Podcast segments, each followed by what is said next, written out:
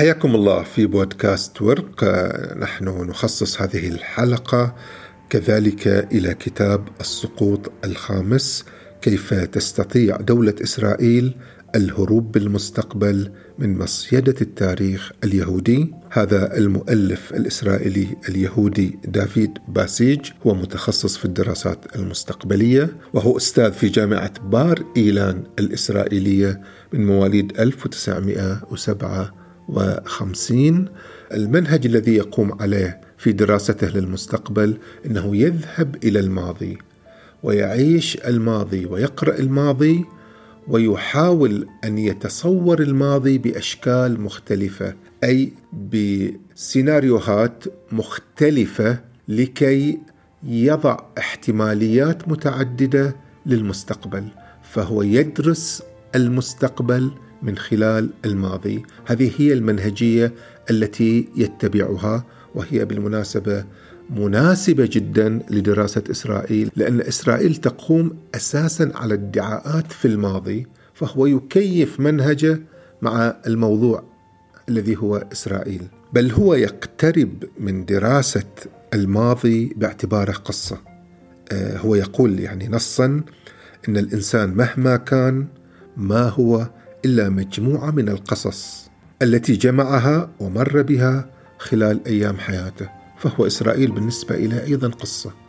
طبعا هذا الكلام في وجاهة علمية ولكن أيضا يستبطن داخله خبث أيضا خبث لاقل علمي لأن الدخول على التاريخ باعتباره قصة وقصة إنسان وقصة شخصية هو أيضا يتيح له فكرة أن يختلق فكرة أن يتلاعب واساسا إسرائيل قائمة على هذه الفكرة.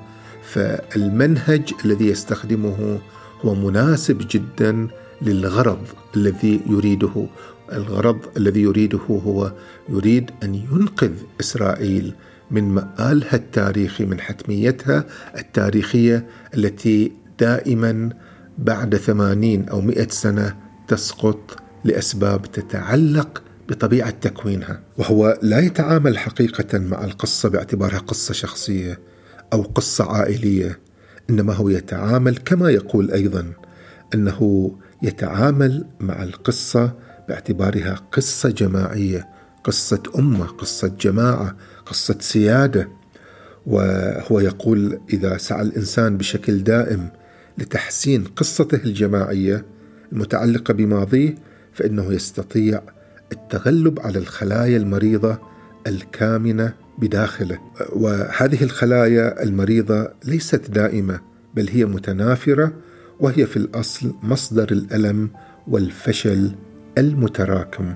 هو بالضبط هنا يضرب على الوتر الحساس لإسرائيل. فعلا إن إسرائيل لديها خلايا مريضة خلايا تكمن في جسدها في قصتها في تاريخها في مروياتها في جماعاتها.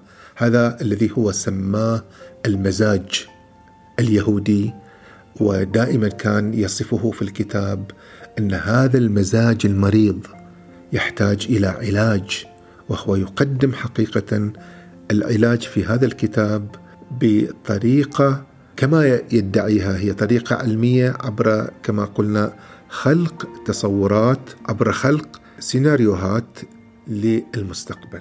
الخلايا هذه المريضة أو المزاج اليهودي المريض كما يقول هو مريض بالانقسام، مريض بالتنافر، هو مريض بالتقاتل الداخلي، هو مريض كما يقول أيضا هذه صفات هو يستخدمها هو مريض بالشتات وبالمنافي ومريض أيضا بالكراهية وهذه الكراهية هو يلجأ إلى الكتاب المقدس يلجأ إلى التوراة يلجأ إلى التلمود لكي يأتي بقصص من هناك في وصف الكراهية. هناك قصة قصة مروية في التلمود تجسد الكراهية وهي قصة الرجل كمتسا والرجل بار كمتسا قصة تقول أن أحد الأغنياء اليهود عنده شخص يحبه كمتسا وشخص آخر لا يحبه بار كمتسا. هذا بار كمتسا كان يحاول دائما أن يورط الرجل الغني وصديقه المحبوب مع الملك الأجنبي. هذه القصة هو يبلور من خلالها مفهوم الكراهية العبثية أو المجانية والكراهية المبررة. بمعنى إن الكراهية المبررة هي تقوم على أسباب. أن شخص يضرك أن شخص يغتصب حقك أن شخص يكون معيق إلى جماعتك أو إلى حياتك. فأنت حين تكرهه لديك كراهية مبررة. ولكن الكراهية العبثية الكراهية المجانية هي الكراهية التي تكون لشخص فقط لأن اختلف معك بالرأي. أو لديه وجهة نظر ثانية مختلفة معك أو اختلف نمط حياته عن نمط حياتك. هو يأخذ هذا المفهوم مفهوم الكراهية. يعتبره واحد من أمراض المزاج اليهودي. هو واحد من أمراض المزاج اليهودي الذي يحتاج إلى نقد وإلى تفكيك وإلى نظرة مستقبلية. ليس لأنه مع الغير ليس لأن الكراهية مع الشخص الغير يهودي. هو يعتبره مرض لأن اليهود ابتلوا بهذا المرض مع بعضهم بعضا. أي أن الكراهية المجانية ليست هي الكراهية لاختلاف الرأي مع شخص آخر خارج ديانتك. هو مهتم بداخل الديانة داخل الجماعة اليهودية. هو يريد أن ينقذ اليهود من الكراهية المجانية مع بعضهم بعضا ولكنه ابدا كدارس دراسات مستقبلية ليس لديه مشكلة مع الكراهية مع الفلسطينيين مثلا. هذه ليست كراهية مجانية بالنسبة له وهذه لا تعيق قيام إسرائيل وهذه ليست احدى الأسباب التي يمكن أن تؤدي إلى أن إسرائيل تقع في مصيدة التاريخ اليهودي. هكذا المزاج اليهودي متلبس أيضا في الباحث نفسه مزاج الكراهية للآخرين وعدم اعتبارهم أساسا موجودين حتى أن الكتاب الذي يمتد على ما يقرب 400 صفحة لا يحضر فيه الفلسطيني أساسا ولا يشكل أساسا مشكلة ولا يحتاج إلى إعادة نظر والكراهية المجانية والكراهية المبررة غير موجودة مع الفلسطيني أساسا. هذا كائن غير موجود بالنسبة له. ومستقبل إسرائيل كأن لا يتوقف على هذا الفلسطيني. تجاهل مطلق وغياب مطلق للفلسطيني وللصراع العربي الفلسطيني ولوجود الفلسطينيين أساسا بفلسطين قبل أن يأتي اليهود. هذا لا يحضر ابدا في هذا الكتاب. اذا لا مشكلة بالنسبة له إلى الطريقة التي ينسج فيها الطريقة اللي ينسج فيها اليهود علاقتهم بالآخرين. المشكلة تكمن في طريقة إدارتهم. آه، يقول في كتابه المرض في المزاج اليهودي إنه بعد كل تجارب الخراب والدمار والقتل والتهجير والإهانة يقول إن اليهود لم يبدأوا بتحليل عقلاني لكل هذه الإخفاقات التي وقعوا فيها على المستويات السياسية والعسكرية آه، لهم ولآبائهم وأجدادهم كل الإخفاقات حتى التي لم تسرد أساسا في الكتب الدينية. يقول إن المسؤولية الوحيدة اللي كان اليهود على الاستعداد فقط للاعتراف بها هي الفشل في المسؤولية الدينية. يعني إنهم لم يلتزموا بتعاليم الرب إنهم آه، ما كانوا مؤمنين إيمان كافي ولكن يقول هذه الإخفاقات قد علقوها كلها على الله ولم يعترفوا إن سبب الإخفاقات هي الفرقة والانقسام عند أجدادهم وعند آبائهم وخياناتهم لبعضهم. لبعضهم. هو يركز فقط على أن هناك خلل في طريقة إدارتنا لبعضنا بعضا. طبعا إسرائيل اليوم اللي يتهددها هو هذه الانقسامات. يعني هو يكتب ذلك من وحي ما يعيشه اليوم. هذا الانقسام الحاد الإسرائيلي الذي إلى أربع أو خمس انتخابات لم يستطع أن يأتي آه، بحكومة ذات غالبية. هذا نتيجة هذه نتيجة من نتائج هذه الانقسامات. فإذا نقول هذه الحروب التي ضد بعضهم البعض جعلتهم أسرى وقتلى على يد جيوش الإمبراطوريات العظمى القوية المتوحشة هكذا يصفها. هم لم يفكروا في الكراهية التي بينهم. بعد ذلك هو يرى أن الموضوع وتجارب التاريخ آه، ليست تكمن في الأخطاء الدينية. إنما يقول أن الأخطاء تكمن في القيادات وطريقة إدارتها إلى الخلاف وأنه لا بديل عن القوة وعن استخدامها. ولا بد أن نشكل لجان تحقيق لمناقشة أسباب الفشل. ومن الأفضل يقول إن نركز على كراهية ومعارضة القوة والحكم. يعني هناك من اليهود هناك من اليهود من يعارضون القوة يعارضون الحكم يعارضون الاستقلال يقول هؤلاء يجب أن نواجه ما يبعثونه من مزاج عام في الناس. هذا المزاج اليهودي الذي لا يريد أن يحكم لا يريد أن يكون قويا. هذا الذي نحتاج إلى أن آه، نعالجه. اذا هذا المزاج الاستسلامي الذي يسميه إلى القوة والزهد في القوة يعتبر واحد من أخطاء الماضي التي ينبغي علاجها. هو يؤمن بالقوة يؤمن بالسلطة يؤمن بإقامة دولة تقوم على البطش والقوة هذا المزاج الاستسلامي يعتبر هو المزاج الذي قاد ملايين اليهود كقطعان الغنم إلى المذابح وإلى أفران الحرق بسلبية وبدون أي مقاومة. يقول هذا المزاج جعل حاخامات اليهود يسكتون على ما يحدث لشعبهم في فترة روما وفي فترة ألمانيا النازية وهذا المزاج أيضا يقول هو الذي جعل واحد من وزراء الحكومة البريطانية وزير يهودي إدوين صموائيل مونتاغو. يقول هذا اليهودي كان يعارض وعد بلفور يعارضه ويعارض استعادة السيادة القومية بأرض إسرائيل.